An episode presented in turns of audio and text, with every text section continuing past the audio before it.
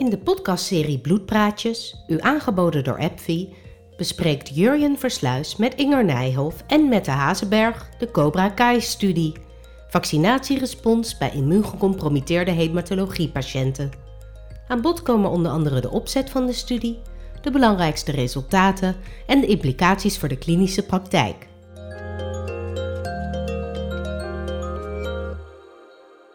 Nou, met de Hazenberg, Inge Nijhoff, welkom bij deze podcast, waarin we belangrijk werk geïnitieerd door jullie team tijdens de COVID-19-pandemie zullen bespreken. En jullie hebben onderzocht wat de vaccinatierespons was van de eerste twee COVID-19-vaccins in patiënten met hematologische ziekten. Wat was voor jullie de belangrijkste motivatie om deze studie te doen?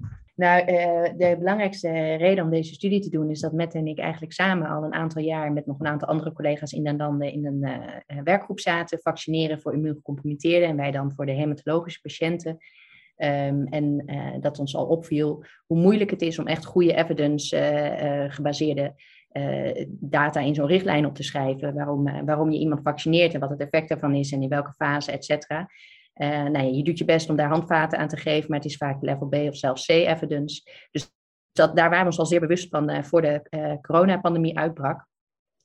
En op het moment dat die uitbrak, toen zeiden we tegen elkaar, ja, toen werden we ook gevraagd door het RIVM om in een landelijke commissie deel te nemen vanuit de vaccinatieervaring, om mee te denken hoe we het voor die immuungecompromitteerden mogelijk zouden moeten aanpakken met elkaar in den landen. En die, die vertegenwoordigende rol hadden we ook vanuit de NVVH. En toen zeiden we eigenlijk al tegen elkaar, ja eigenlijk is dit het moment waarop je dit zou moeten meten. Want wat voor coronavaccinaties geldt, geldt waarschijnlijk ook wel weer voor andere vaccinaties. Maar in ieder geval worden er nu grote groepen immuungecompromitteerden tegelijk gevaccineerd. Dit is het moment om het te meten. Maar tegelijkertijd was het ook een gekte. Dus uh, we zeiden het wel tegen elkaar, we namen niet meteen actie. We hebben het een paar keer uh, genoemd, ook tegen andere groepen. En op een gegeven moment dachten we, we moeten het nu doen, want als we het niet doen, dan gaat de kans voorbij.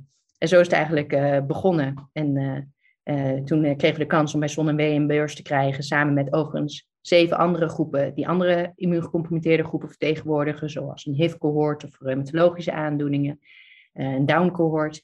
Um, en gezamenlijk hebben we dat toen aangepakt. Ja, en, en met wat mij geïntegreerd heeft, is dat het best wel een tijdje duurde voordat vaccinaties voor de gezonde personen beschikbaar waren en het logistieke apparaat landelijk goed liep. Maar in de tussentijd waren een groot deel van onze hematologiepatiënten in jullie studie al gevaccineerd. Hoe hebben jullie die studie zo snel van de grond gekregen? En met name, eh, wat is er dan eigenlijk nodig om een prospectieve studie zo snel te starten? Eigenlijk liepen er vanaf het begin af aan, en dat is nog steeds zo, twee dingen door elkaar. Namelijk ten eerste gewoon het landelijke vaccinatiebeleid voor mensen met uh, afweerstoornissen, waar de hematologiepatiënten uh, bij horen, maar een onderdeel van zijn, van, van dus dat grotere geheel. Uh, en daarnaast inderdaad de studies naar het effect van vaccinatie in deze immuungecompromitteerde patiëntengroepen, waaronder dus ook de Cobra studie voor de hematologiepatiënten. Uh, onze patiënten zijn, uh, de, de studiedeelnemers zijn op hetzelfde moment gevaccineerd als alle andere hematologiepatiënten in Nederland. Die zijn niet voorgetrokken of, of sneller gevaccineerd. Het is allemaal tegelijk gegaan.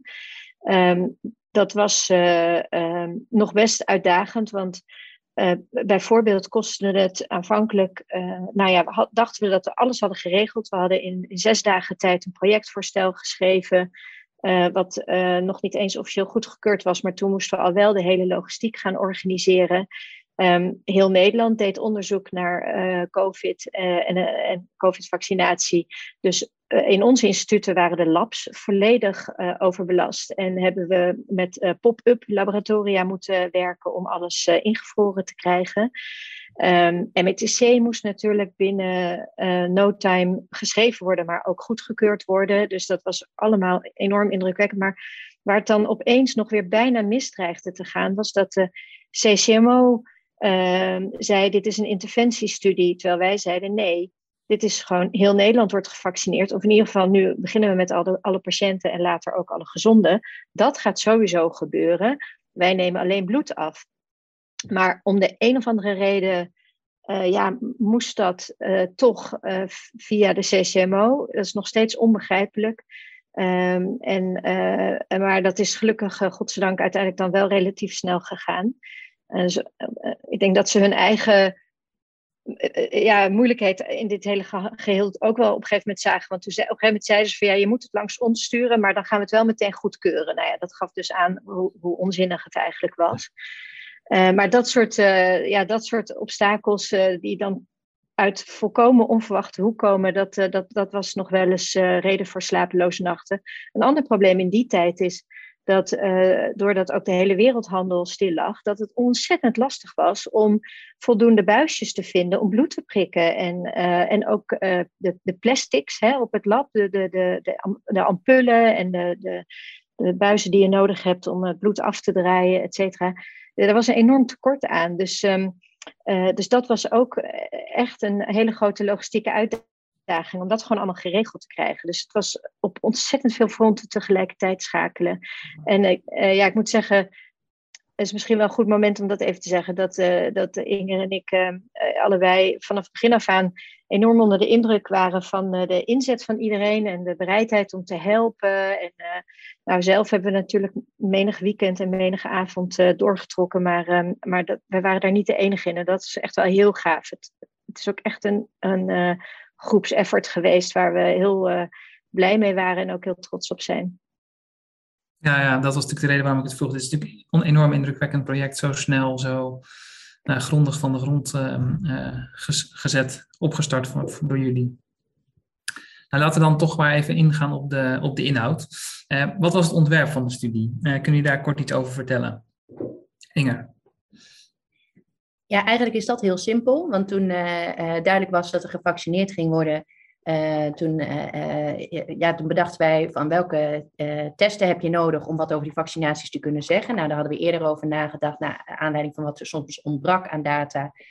bij, wanneer we een advies moesten geven over andere vaccinaties in de richtlijn die we met het RIVM schreven. En, en, zo kun je beredeneren welke buisjes heb je per patiënt per tijdspunt nodig, wat zijn goede tijdspunten. Nou, dat deden we ook gezamenlijk met die andere cohorten. Dus voor eigenlijk alle immunogecompromitteerden, bijna alle immunogecompromitteerden in Nederland werden met twee messenger-RNA-vaccins gevaccineerd. Uh, al onze hematologiepatiënten met Moderna. Dus we wisten, daar zit vier weken tussen. En vier weken daarna is een goed punt om respons uh, te meten. Dus daarmee heb je vaststaan wanneer je bloed gaat samplen. Je hebt bedacht wat je wil meten, dus welke buisjes je af moet nemen. En daarnaast uh, bedenk je met elkaar wat hebben we nodig van deze patiënt aan informatie uh, wat moeten we anamnestisch vragen, et cetera. Dus je maakt een, uh, een CRF. Dus dat is eigenlijk het enige wat je dan doet in zo'n studie. Het gaat om die grote aantallen in één keer, waardoor dat uitdagend is. Maar eigenlijk is het een anamnese afnemen en bloed afnemen en daarna invriezen. Ja. Dat moment. En, en welke patiëntenpopulaties hebben jullie uiteindelijk geïncludeerd? Ja, dus daar hebben we wel echt heel goed over nagedacht. En dankzij dat uh, werk wat we al deden voor de RIVM-werkgroep, eh, de, de gewone RIVM-werkgroep, zou ik maar zeggen, voor vaccinaties voor immuungecompromitteerden, wisten we eigenlijk al heel goed over welke patiëntengroepen nou altijd de discussie was. En waar gewoon Kijk, het, er was een soort cirkelredenatie jarenlang. Dat, als je neemt bijvoorbeeld de transplantatiepatiënten, werd er altijd gezegd van ja, uh, vaccineren binnen zes maanden na uh, stamceltransplantatie heeft geen zin, want dat werkt toch niet. En dus werd dat ook niet gedaan. Hè, want dat stond de hele tijd maar in richtlijnen. Maar niemand deed dat dus ook. En daardoor werd dus ook nooit de data vergaard van, ja, klopt dat nou? En nu zaten we opeens midden in die pandemie. Um, uh, ja, was het heel duidelijk dat mensen gewoon zo snel mogelijk gevaccineerd moesten worden. En ook omdat het vanuit de overheid werd gedaan, uh, en er dus geen flexibiliteit was. Dus mensen werden gewoon via het ziekenhuis gevaccineerd op dat moment. En niet nog eens vier maanden later. Of weet je, dat was heel onduidelijk. Dus het was. Mensen, dus het advies was ook gewoon: laat je vaccineren nu. Ja, ongeacht of je denkt dat het wel of niet kan of zin heeft, et cetera. Want we weten gewoon niet wanneer de volgende vaccinatieronde komt. En dat gaf ons de mogelijkheid om, uh, om dus ook juist waar die, die knowledge gaps zeg maar, bestaan, hè, waar we gewoon eigenlijk helemaal niet weten hoe het zit, dat, dat we dus die patiënten konden gaan uh, bestuderen. Dus we hebben uh, heel precies uh, juist patiënten geïncludeerd kort na transplantatie. Nou, letterlijk mensen die op de afdeling nog in neutropenie lagen na autoloog voor myeloom, die hebben gewoon gevaccineerd. Uh, kort na allogene stamceltransplantatie, tijdens rituximab bevattende therapie, kort na die therapie, tijdens ruxolitinib, nou ja, noem maar op. Gewoon precies al die, ook, dat is natuurlijk een ander ding. Hè? Inmiddels zijn er natuurlijk allerlei nieuwe middelen waarvan we ook niet precies weten hoe dat vaccinatie beïnvloedt. Dus, ehm, dus zo hebben we dat gedaan. Ehm, en ehm, we hebben ook de sikkelcelpatiënten geïncludeerd. Dat was voor ons ook een hele belangrijke groep. Uh, omdat we weten dat uh, virale infecties gewoon ja, harder kunnen toeslaan bij sikkelcelpatiënten. Uh, op zich is daar natuurlijk iets minder echt zorg over of die vaccinatie wel aanslaat. Hè. Ze hebben natuurlijk wel een bepaalde immuundeficiëntie door hun asplenie, maar iets minder erg misschien dan bijvoorbeeld een rituximab behandelde patiënt. Maar het was wel natuurlijk heel belangrijk om ook van die groep te weten of zij inderdaad met vaccineren goed beschermd zouden zijn. Dus vandaar dat we die groep ook hebben geïncludeerd. Ja, en eigenlijk een heel breed spectrum van alle hematologische uh, patiënten. Ja, en ik denk ook als je nu ook kijkt naar wat er gepubliceerd wordt, is dat uh, denk ik ook een van de krachtige dingen van de studie. Dat we dus uh, 17 verschillende cohorten hè, hadden we van tevoren bedacht. Van nou, we zijn echt bij elkaar gaan zitten van oké, okay, waar, waar zitten nou die gaten? Welke ga kennisgaten willen we vullen?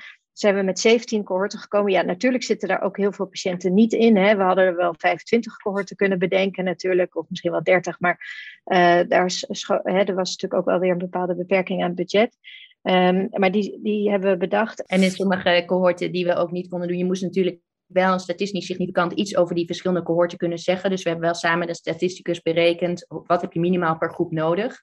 Nou, in dat korte tijdsbestek dat die studie werd opgestart, hadden we niet de tijd helaas om het door heel Nederland uit te rollen, wat we natuurlijk idealiter hadden gedaan. En dat maakt dat je maar met een paar centra uh, ook de groepen moest kunnen vullen om er uiteindelijk wat over te kunnen zeggen. Dus ook dat, hè, dus uh, naast waar de uh, knowledge gaps zaten, hebben we ook wel gekeken wat is haalbaar om uiteindelijk ook uitspraken te kunnen doen over zo'n groep. Dus, en daarmee zijn sommige aandoeningen die ook heel interessant zijn, hebben dan niet gekund, omdat je niet voldoende patiënten dan kon meten, zeg maar, in dat korte tijdsbestek kon includeren.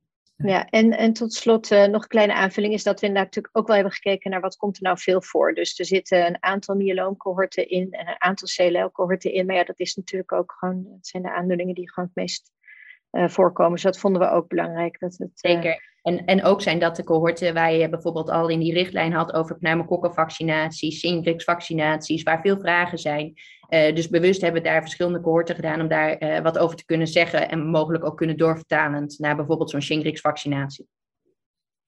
Nou, voordat we dan over de resultaten gaan praten, uh, wilde ik jullie nog vragen, want de definitie van bescherming werd gesteld op een af, afkapwaarde van beschermende antistoffen van 300. Maar ik zag in jullie, in jullie paper ook dat daar best wel een, een variatie zat binnen de patiënt, maar ook binnen gezonde individuen. Hoe hebben jullie die afkapwaarde bepaald? Nou, dat is een hele goede vraag. Ook, ook omdat dat een, uh, een evolving field is, zou ik maar zeggen. Uh, op het moment dat je aan zo'n studie begint, weet je überhaupt niet hoeveel antistoffen je nodig zou hebben om iemand uh, beschermd te mogen noemen. Um, um, maar met die acht cohorten tezamen die we in Nederland hadden, dat waren immuungecompromitteerden. Maar bij het RIVM werden ook nog cohorten getest zonder, dus zeg maar controlecohorten, zoals medewerkers van een ziekenhuis, et cetera. Uh, en die beschermende waarde uh, is dus op die oorspronkelijke variant gebaseerd, op de oorspronkelijke Wuhan-coronavariant. Uh, um, en, en is dan gebaseerd hoe je in het lab, hoeveel antistoffen je nodig hebt om, om neutralisatie van het virus te verkrijgen. En heeft te maken met hoeveel antistoffen hebben gezonde mensen minimaal nodig om dat te doen.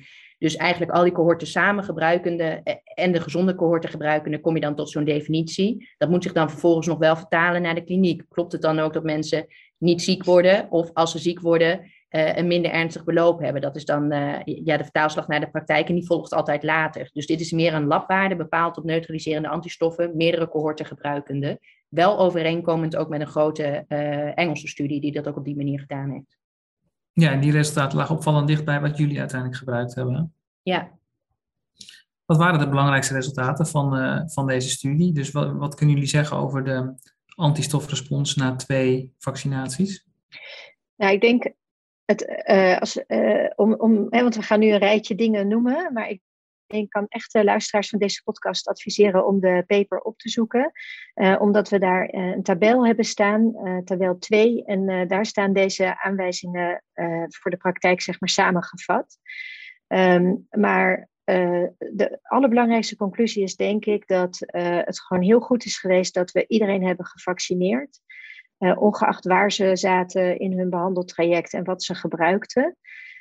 omdat we zagen dat eigenlijk de, veel meer mensen dan we van tevoren hadden bedacht, toch prima antistofrespons maakte. En misschien niet iedereen in één klap boven die 300, maar inmiddels kunnen we verklappen met de derde vaccinatie, want die data hebben we nu ook, dat mensen met de derde vaccinatie dan voor het merendeel van de patiënten wel dan alsnog boven die 300 komen. Dus um, sommige, uh, een deel van onze patiënten hebben misschien meer prikken nodig dan gebruikelijk, maar daarmee komen ze er voor een groot deel wel. Um, de conclusie van de nieuwe paper waar we dus nu mee bezig zijn, hè, de resultaten van die derde vaccinatie, is dus ook dat we denken dat gezonde mensen hebben aan twee doses voldoende hè, van zo'n mRNA-vaccin. Uh, en uh, mensen met een hematologische aandoening moeten gewoon als basis serie 3 krijgen. En daarbovenop dan natuurlijk hun boostervaccinatie. Maar daar komen we denk ik uh, later nog wel op terug. En dan meer in detail. dus dat is het belangrijkste. Gewoon vaccineren. Maakt niet uit waar je zit in je behandeltraject. Wat extreem opvallend was, was dat, dat we een aantal dogma's omver hebben kunnen werpen. Um, over de multiple myeloompatiënten laat ik graag aan Inger over om te vertellen. Maar um, bijvoorbeeld de stamceltransplantatiepatiënten, die, allogene stamceltransplantatiepatiënten, daarvan wordt altijd gezegd dat je ook tenminste zes maanden moet wachten met vaccineren. Nou, dat mag ietsje eerder al, vier maanden. Uh, en verder was belangrijk dat uh, er altijd wordt gezegd dat mensen met actieve chronische graft versus host dat die vaak uh, niet zo goed reageren op vaccinatie. Nou, dat viel ook heel erg mee. En een hele belangrijke bevinding is dat patiënten die B-cel depleterende therapie gebruiken, dus met rituximab of obinutuzumab, dat het niet, daarvan wordt altijd gezegd dat je zes maanden moet wachten, maar wij zagen dat B-celresponsen, dus antistofresponsen, pas vanaf een maand of acht na het stoppen van die therapie te verwachten zijn. En dat heeft consequenties wat wij ook in ons eigen instituut zagen en ook hoorden van om ons heen, is dat heel veel behandelaren dachten van nou weet je wat, ik stel even één rituximab-gift uit. Uh, dan doen we snel die vaccinatie en daarna gaan we snel weer door met de rituximab. Nou, dat, dat moet je gewoon niet doen. Dat is echt nutteloos. Het, uh, je moet echt pas na acht maanden uh, heb je weer voldoende B-cellen om voldoende antistoffen te maken. En dus een keertje een rituximab-gift overslaan is gewoon niet, dat, dat, dat draagt helemaal niks bij.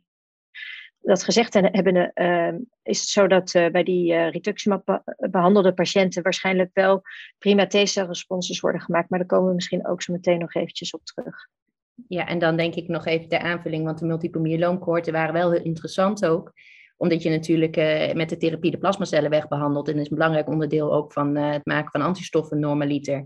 Maar eigenlijk zagen we dat uh, er waren vier verschillende cohorten multiple myeloompatiënten geïncludeerd. Eén tijdens inductietherapie, één na autologe stamceltransplantatie, één tijdens CD38 bevattende therapie en met IMID bevattende therapie. Maar eigenlijk zagen we dat alle cohorten uh, goed in staat waren om respons te maken. Dat de multiple myeloompatiënten, uh, nou ja, zo'n driekwart, uh, zelfs boven die beschermde grens al terecht kwam.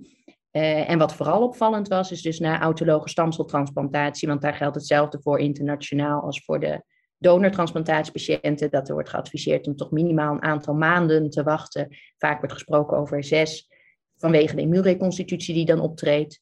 Uh, maar dat, dat bleek uh, in ieder geval voor multiple myeloompatiënten met hoge dosis melphalan echt een dogma. Want Mette noemde er straks al even, sommige patiënten zijn zelfs twee weken na de stamcellen gevaccineerd en gemeten. En zelfs die mensen maakten een mooie respons aan. Dus we hadden helemaal geen, deze patiënten hebben geen extra tijd nodig om een immuunsysteem te maken, om weerstand te kunnen maken op vaccinaties. Dat kan direct. En dat, ja, dat was voor ons allen een eye-opener, dat dat dogma echt ontkracht is met deze metingen. Ja, en ik denk dat uh, een andere belangrijke bevinding is dat mensen met myeloïde aandoeningen en behandeling voor myeloïde aandoeningen over het algemeen uh, prima te vaccineren zijn, ook tijdens ruxolitinib-therapie bijvoorbeeld. Uh, het enige wat opviel was dat mensen met Vidase of decitabine het echt wel minder deden dan de rest. En CML sprong er heel erg bovenuit. Die deden het hartstikke goed, ondanks tyrosinekinase remmers. Um, dus met, zijn met name de mensen die worden behandeld voor lymfoïde aandoeningen. En dan met name als dat depleterend is, dan uh, kan dat een probleem zijn. Ja, want wat we nu nog niet hebben genoemd is het cohort met CD19 CAR-T. En daar geldt eigenlijk hetzelfde voor als, als rituximab. Het is natuurlijk ook B-cel depleterend. En die lieten dus ook zo'nzelfde beeld zien. Behalve dan dat uh, de rituximab ook nog tijdsgerelateerd is. Wanneer je na uh, behandeling komt er een periode dat je je B-cellen weer terugkrijgt. En dat geldt voor de meeste CD19 CAR-T-patiënten niet, omdat ze uiteraard bij je blijven. Dat is ook de intentie van de behandeling. Dus inderdaad, de B-cel depleterende cohorten die hadden op antistofniveau het moeilijk om, om weerstand te maken. Maar zoals Mette terecht zei, die metingen verrichten wij ook. Maar internationaal zijn er ook al data over. Op T-celniveau is er wel degelijk bescherming mogelijk. En betekent bescherming in dat geval dan op T-celniveau ook minder infectie of minder ziek zijn van een infectie? Ja, dat is een goede vraag. Want kijk, uiteindelijk lijkt onze studie heel groot, maar is voor dat soort antwoorden ook wel een beetje klein. Uh, dus uh, je kijkt ook overkoepelend met die cohorten in Nederland, maar ook internationaal, of je daar wat meer over kan zeggen. Engeland heeft een hele mooie studie gedaan. Daar is het AVG technisch toch minder ingewikkeld om ook uh, met het hele land te kijken en ook factoren te betrekken als uh, comorbiditeiten, hematologische ziekten. Uh, en, ja, dan, kun je kijken wat is het effect uiteindelijk op, ja, op, op ziekte krijgen, op opname, op ernstig beloop, op overlijden. En dan zijn er wel degelijk ehm, gunstige effecten van vaccineren. Maar wij kunnen op basis van onze studies daar onvoldoende uitspraken over doen. Durven jullie wel te wagen aan een, um, een advies over de, voor de patiënten met een matige respons? Dus bescherming onder de 30%, bijvoorbeeld die patiënten met de B-cel depleterende therapie? Ja, nou kijk, wat aangetoond is, um, is wat wel echt aangetoond is, is dat um, patiënten, die, eh, dus eigenlijk nog voordat we met z'n allen gingen vaccineren, is er ook heel goed gekeken naar bijvoorbeeld hematologiepatiënten of reumatologiepatiënten die COVID kregen. En welke patiënten werden daar nou ernstig ziek van, welke patiënten gingen daar dood aan zelfs. Um, en toen is uh, gezien dat toch ook dat patiënten die bijvoorbeeld uh, met rituximab werden behandeld, dat dat dat beloop lang niet altijd zo slecht was als waar werd voor gevreesd. En dat dat erg afhankelijk was van in hoeverre die mensen in staat waren om goede T-celresponses te maken. Dus in die studies, dus dat heeft op zich, uh, dat zijn geen vaccinatiestudies, maar dat zijn gewoon natuurlijk beloop van infectiestudies geweest. Uh, helemaal in het begin van de pandemie. Uh, daar werd wel echt aangetoond dat als je geen B-cellen hebt, geen antistoffen kan maken, maar wel echt goede T-celresponses kan genereren, dan kan dat echt het gebrek aan antistoffen deels opvangen. En dat waren dan misschien wel mensen die in het ziekenhuis belanden. Uh, dus uh, zieken waren dan mensen die uh, alleen maar een beetje verkoudheidsklachten hadden, maar, maar die wel ook weer gewoon naar huis konden daarna en gewoon dat prima overleefd hebben. Dus, dus dat zijn, vind ik zelf wel echt sterke studies die laten zien dat het immuunsysteem gewoon een echt, hè, dat de samenwerking gewoon heel belangrijk is. En je hebt antistoffen die zijn belangrijk, maar je hebt ook T-cellen die zijn belangrijk. In onze eigen studie zagen we dat NK-cellen ook belangrijk zijn dat die voorspellende waarde hebben van uh, of je een goede titer kan maken. Um, dus het is niet één type, maar het is gewoon die, die, die samenwerking die natuurlijk het allerbeste is. Maar het lijkt dus ook zo te zijn dat als, als eentje wegvalt, bijvoorbeeld je kan geen antistoffen maken omdat je rituximab-therapie hebt gehad, dat dan kennelijk andere uh, celpopulaties van het afweersysteem kunnen inspringen. Uh, en uh, nog steeds echt een deel of een groot deel van de bescherming op zich kunnen nemen. En nou ja, we gaan er een beetje van uit dat dat dus met vaccineren ook zo is. Maar wat Inge net zei, dat zal moeten blijken in, in grotere studies. En, en, nog een beetje daarop voorbedurend, denken jullie dan dat het zinvol zou kunnen zijn om die biomarkers te gebruiken om daarmee zoals NK-cellen, T-cellen en hun activiteit, om daarmee in te schatten wanneer je een volgende vaccinatie zou moeten overwegen? Daar zijn ze eigenlijk niet goed genoeg voor, helaas. Dus het zijn wel voorspellende markers als je naar zo'n uh, studie kijkt. Maar het is niet zwart-wit. Het is niet zo dat er een afkapwaarde is van NK-cellen bijvoorbeeld, waarop je kan zeggen, nou heeft vaccineren geen zin. De boodschap van, van de studie moet wel echt zijn, iedereen vaccineren. Uh, en ja, die markers kun je dan gebruiken met name om ervan te leren van uh, uh, waar moeten wij ook dieper op ingaan om te begrijpen waarom het soms minder goed mogelijk is of waar het juist wel heel goed mogelijk is. En zijn er andere pathways dan dat we uh, van tevoren hadden gedacht. Maar je kan ze niet gebruiken als voorspelling dat het geen zin heeft. Eigenlijk moet je gewoon alle hematologische patiënten vaccineren. Is er geen contra-indicatie. Laten we dan de sikkelcelpatiënten ook niet vergeten. die hebben jullie nog niet genoemd. Maar ook die hadden een, een mooie respons, hè? Ja, Ja, nog steeds is het wel zo dat, uh, dus dat komt ook uit die Engelse studie die Inger net noemde, dat uh, um, ook na vaccinatie sikkelcelpatiënten nog steeds wel een verhoogd risico lopen met COVID-infectie. Uh, we denken dat dat, want hun, de immuniteit die sikkelcelpatiënten opdoen door te laten vaccineren, die is gewoon hartstikke goed. Um, maar um, ja, we weten natuurlijk dat ook een simpele verkoudheid, zou ik maar zeggen, dus COVID met milde klachten, ja, kan nog steeds een chestsyndroom of iets dergelijks veroorzaken. Hè? Gewoon de sikkelcelgerelateerde uh, complicaties, uh, waardoor patiënten alsnog in de problemen kunnen komen. Dus dat is dan niet een teken dat vaccinatie onvoldoende werkt, maar dat, ja, dat is meer inherent aan de, aan de ziekte. Ja, en als je dan de infectielast kan verlagen met vaccineren, maakt dat wel het belang ook voor deze groep heel duidelijk. Uh, alsjeblieft wel vaccineren. Uh, echter, uh, mochten zij nog een milde infectie krijgen, is het niet beloofd dat dat bij hen niet ernstiger kan verlopen door de onderliggende aandoening. Nee. Ik, um, um, ik realiseer me dat er waarschijnlijk bijna geen data beschikbaar zijn, maar, maar hoe verhoudt deze vaccinatierespons zich tot de verschillende COVID-varianten? En, en zijn daar data specifiek binnen de hematologie? Patiënt over? Nou ja, wij proberen daar nu wel ook naar te kijken, naar het neutraliseren. Dus met die uh, resultaten van de derde vaccinatie uh, kijken we ook naar neutralisatie van, uh, van de Delta-variant en van de Omicron-variant. Dus daar krijgen we wel iets van data over. Uh, maar daarin, ja, op dit moment is bijvoorbeeld uh, de Omicron overheersend geweest de afgelopen tijd. We vragen ook bij elk punt dat onze patiënten terugkomen, heeft u COVID doorgemaakt? Had u een positieve PCR-test? want die gebeuren ook vaak bij de GGD, lang niet altijd bij ons. hoe is het verlopen? Als ze opgenomen worden, weten we het natuurlijk wel. Maar er zijn ook gewoon mensen die thuis mild doormaken. Dus dat, dat houden we ook allemaal bij. Daar mag je ook van uitgaan dat het in deze tijd alleen maar Omicron-patiënten uh, zijn. We, uh, we, hebben niet allemaal specifiek uh, met PCR bekeken welke varianten patiënten wanneer hebben doorgemaakt. Maar je kan het met tijdsbestek wel, wel wat bekijken. En ook of dat het neutraliserend werkt. Dus we kijken er wel naar, laat ik het zo zeggen. Tegelijkertijd is het de tijd en de natuur waar je mee te maken hebt. Maar het is wel van belang, bijvoorbeeld waar we het eerder over hadden, van is die 300 bouw per milliliter nou voldoende antistoffen, ja of nee? Waar we eerder hoopten dat we met de tijd konden zeggen, uh, uh, nou ja, dat, dat is inderdaad voldoende of niet. Is dat met de komst van de varianten wel veranderd? de landelijke booster voor iedereen is natuurlijk gekomen omdat de huidige Omicron-variant minder gevoelig was voor de vaccinaties. Ook niet helemaal niet. Hoe hoger de antistoffen, hoe beter de bescherming.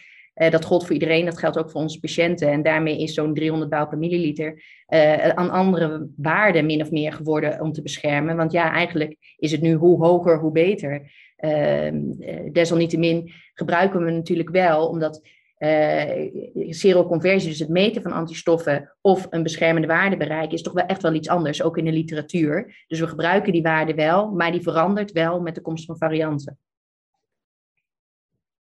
ik, ik denk ook dat dat. Um, um, en, er is, is natuurlijk heel veel, wordt er gesproken over of het nou zin heeft om al dan niet in je eigen ziekenhuis of anders via commerciële testen om zelf te meten hoeveel antistoffen je in je bloed hebt. Um, maar al die verschillende testen mee, ja, werken net weer een beetje anders, dus die zijn niet met elkaar vergelijkbaar.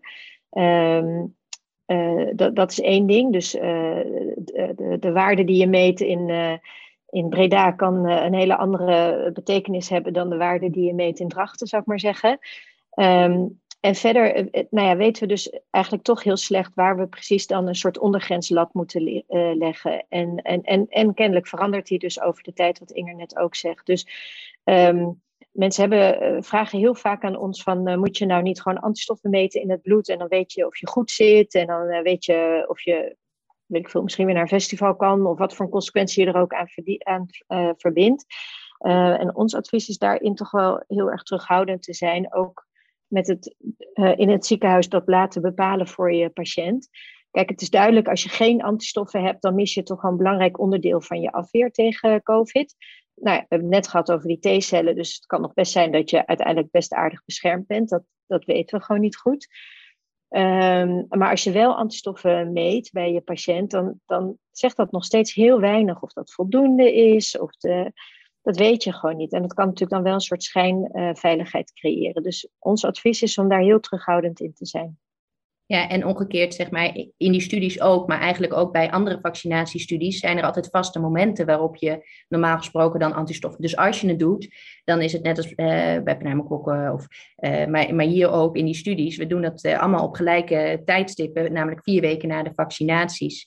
Daarna, zeg maar, verandert dat ook weer de hoeveelheid, want je hebt een natuurlijke decay, zoals we dat dan noemen, van je, van, die, van je antistof in de loop van de tijd. Dus als je lukraak een keer antistoffen prikt, is het ook heel lastig te duiden van ja, hoe is dat geweest dan als je op het optimale tijdpunt had geprikt. Dus dat is ook nog een factor die erbij zit. Waar we natuurlijk landelijk wel de antistoffen voor gebruikt hebben, is als onze immuungecompromitteerde patiënten toch COVID opliepen en uh, bijvoorbeeld uh, B-cel-depleterende therapie uh, gebruikt hebben, verwachten van ze hebben zelf niet de mogelijkheid om die antistoffen aan te maken. En we hebben ze wel uit een potje, uit de fabriek zou ik maar zeggen. Daar gebruikten we die testen dan wel voor. Want als ze dan niet aanwezig waren, dan, uh, uh, ja, dan kon je die antistoffen uit een potje aangeven. Dus die, die antistofbepalingen zijn soms wel zinnig in bepaalde omstandigheden. Maar om, om, om iemand beschermd te noemen kun je ze helaas niet gebruiken. Die definitie is er helaas niet. En kunnen jullie dan een beetje daarop voortbordurend toch verder speculeren hoe de toekomst eruit ziet voor een hematologiepatiënt en, en COVID-vaccinaties? Ik hoor jullie heel duidelijk zeggen dat, dat je dat vooral niet moet doen op, um, op antistof titer. Uh, maar, maar denken jullie dan dat het meer gaat naar een, frequente vaccinatie? Uh, of toch op een andere uh, parameter? Ja, dus dat is eigenlijk best een ingewikkelde vraag, want er spelen heel veel dingen tegelijk een rol. Eén ding is natuurlijk de, druk van het virus, hè, hoe, in hoeverre waart dat echt rond of is het op een gegeven moment uh, is, is, is de hoeveelheid besmettingen heel laag? Kijk, op dit moment zijn die besmettingen heel hoog en is het uh, heel belangrijk om uh, de, de hoeveelheid antistoffen niet te, te diep te laten zakken. En daarmee kom ik op het tweede punt, want we hebben ook in de studie gezien, maar ook in gezonde mensen wordt dat gezien, dat in de maanden na een vaccinatie nemen nou eenmaal je hoeveelheid antistof in het bloed, dat neemt af. Dat, dat is gewoon een natuurlijk beloop. Um, ook daarvoor geldt dat we niet precies weten in hoeverre dat overeenkomt met ook echt een afnemende immuniteit. Um, maar goed, dat, dat lijkt in ieder geval wel deels zo te zijn. En vandaar dat ook die boostercampagne toen is opgezet. Um, kijk, eh, dus eh, het is het, de, de, de, kans is groot. Stel dat in, in het najaar er op een gegeven moment weer een grote golf komt. Dan is het natuurlijk wel belangrijk dat op een gegeven moment iedereen weer geboosterd wordt, waarschijnlijk. Maar of je nou elke drie maanden uh, moet boosteren, dat, ja, dat weten we eigenlijk nog niet zo heel erg goed. En de Gezondheidsraad heeft natuurlijk nu wel geadviseerd dat mensen boven de 70 en mensen met een uh, matige afweer uh, een tweede booster moeten gaan krijgen. Maar ze hebben er niet bij gezegd wanneer dan en wie dan precies. Ehm, dus dat mogen we weer met de betreffende werkgroepen gaan uitzoeken. Maar, dus dat is ook, maar dat is ook gewoon nog best wel een ingewikkelde puzzel. Um, ik denk niet dat uh, vaker vaccineren achter elkaar dat dat per se kwaad kan. Maar het is natuurlijk ook niet nodig om nou iedereen de hele tijd maar te vaccineren. Je moet daar, daar moet, moet, moet wel zinnig zijn. Ja, en deze adviezen van de Gezondheidsraad zullen ook voortkomen uit dus die varianten die minder gevoelig zijn, waarmee het doel om zo hoog mogelijk in de antistof te zitten een doel geworden is. Want de oorspronkelijke opzet van onze studie was ook welke mensen hebben wel een extra vaccinatie nodig en welke niet. En wat is de natuurlijke decay en eh, hoe kun je dat weer oppeppen als je met een vaccinatie of een infectie eh, in aanraking zou komen. Uh, maar door het, door het verloop van het coronavirus en de varianten en het aantal vaccinaties die voor iedereen werden, hebben we niet een geïndividualiseerde beleid kunnen maken voor de groepen. Want ja, de, de ziekte evolueerde en daarmee ook hoe je dit aan zou pakken. Dus voor pneumokokken bijvoorbeeld zijn er naast allogene stamceltransplantatieschema's dat je misschien wel vijf vaccinaties geeft. En dat is anders dan voor een multiple myeloompatiënt waar je er twee geeft. Of voor een 60-plusser die via de huisarts de één krijgt. Dat had je idealiter ook voor corona gedaan. Maar gezien dit coronavirus, wat natuurlijk ook verandert, uh, ja, verandert ook de opzet van zo'n studie mee. Nu hebben jullie je studie natuurlijk ook volgegeven met, met ook een boosterdeel. Um, gaat die data jullie niet ook nog meer informatie geven daarover? Wel, zeker wel. Want we hebben nu ook gezien dat die derde vaccinatie. Kijk, wat het lastige is, is dat uh, als het coronavirus verandert, moeten er adviezen komen vanuit de overheid, gezondheidsraad, et cetera. En ondertussen uh, ben je nog bezig met uh, het analyseren, kun je nog eigenlijk geen uitspraak doen. Dus met, met een beetje kennis, maar eigenlijk ook met een soort vooruitziende blik, moet zo'n gezondheidsraad steeds adviezen geven. Dat is ook hartstikke moeilijk. Achteraf zien wij dat die derde vaccinatie in ieder geval, daar hebben we destijds ook wel mee over gedacht, een, een goede zet is geweest. Want je ziet dus dat met drie vaccinaties als basisserie onze hematologische patiënten veel meer richting de gezonde controles komen en een veel hoger percentage daarmee zeg maar bescherming bereikt. als je dat dan bescherming mag noemen, maar in ieder geval richting de gezonde mensen komen. Dus dat was achteraf een goede zet. Maar toen die, dat besluit werd genomen, hadden we natuurlijk ook nog niet alle data helemaal compleet. En moet je met dat beetje data wat je dat doet, hebt voor je eigen studies en internationaal proberen dat advies te geven. En dat is wat er continu gebeurt. Uh, dus uh, we gaan er zeker van leren, maar soms is een besluit al genomen en leren we achteraf. En ik denk dat we de afspraak nu maar alvast moeten maken voor het bespreken van jullie volgende studie. Want uh, ook die is denk ik heel belangrijk dan. Ja. Zijn er nog, nog dingen uit jullie, um, uit jullie artikel wat, wat we nog niet besproken hebben, wat jullie nog willen benoemen? Nou, dat um, die patiënten, de deelnemers aan de studie, uh, dus nu al, uh, inmiddels al, als ik goed heb geteld, uh, zeven keer, elke keer maar weer naar de deelnemende centra komen en elke keer um, hartstikke veel bloed afstaan. Um, en ja, daar zijn we enorm blij mee en daar zijn we ze ook enorm dankbaar voor. Uh, ik, merk zelf dat als ik dat dan zeg tegen een patiënt, van wat fijn dat u er weer bent en uh, weer helemaal gekomen, et cetera, dat mensen toch ook wel vaak reageren van nou wat fijn dat jullie deze studie doen. Um, wat, wat fijn dat ik daaraan kan bijdragen. Dus, um, um, maar toch is het zo dat uh, ja, ik, ik, ben er echt van onder de indruk hoe betrokken de deelnemers zijn en hoe, hoe ontzettend genereus ze elke keer maar weer komen, tijd vrijmaken, moeite nemen om vroeg op te staan en dan al het bloed afstaan. Dat is echt indrukwekkend. En ja, onnodig om te zeggen, maar zonder die patiënten was het allemaal niet mogelijk geweest natuurlijk. Nee, dat onderschrijf ik volledig. En wat ik denk wat ook nog uh, heel mooi is, kijk, nu ben je heel pragmatisch bezig. Hè? Dus wat zijn antistofniveaus? Ondertussen zijn we met T-celmetingen bezig. Maar uh, je, we gaan nog veel meer de diepte in, ook immunologisch. Dus wat, het is zo mooi, vind ik, vinden wij aan deze studie, dat je leert heel pragmatisch van wat, hoe zou je beleid uh, kunnen zijn in de toekomst en uh, wat, wat, zijn pragmatische adviezen. Maar je leert ook heel veel immunologisch. En die analyses die zijn nog volop lopende en zullen ook nog in de toekomst gaan gebeuren. En die vertellen ons bijvoorbeeld waarom CLL-patiënten of multiple myeloompatiënten met een microenvironment in het beenmerg uh, soms moeilijker weerstand op kunnen bouwen. Hè? Dus dan kun je kijken naar senescence markers bijvoorbeeld of uh, uitputting van het immuunsysteem. En, en dat soort analyses zijn ook nog ja, volop bezig. En daar kijken we ook heel erg naar uit. Kunnen we meer begrijpen waarom de ene aandoening ook zoveel invloed heeft versus de andere naast de eventuele behandeling? Heel, heel mooi. Nou, dank jullie beiden voor dit overzicht uh, met het bespreken van de resultaten van de Cobra Kai-studie. En nogmaals gefeliciteerd met de mooie publicatie waarvan ik alle luisteraars zou willen aanmoedigen om die te lezen in uh, Blood Advances. Dankjewel, Mette en Inge. Graag gedaan. Dankjewel.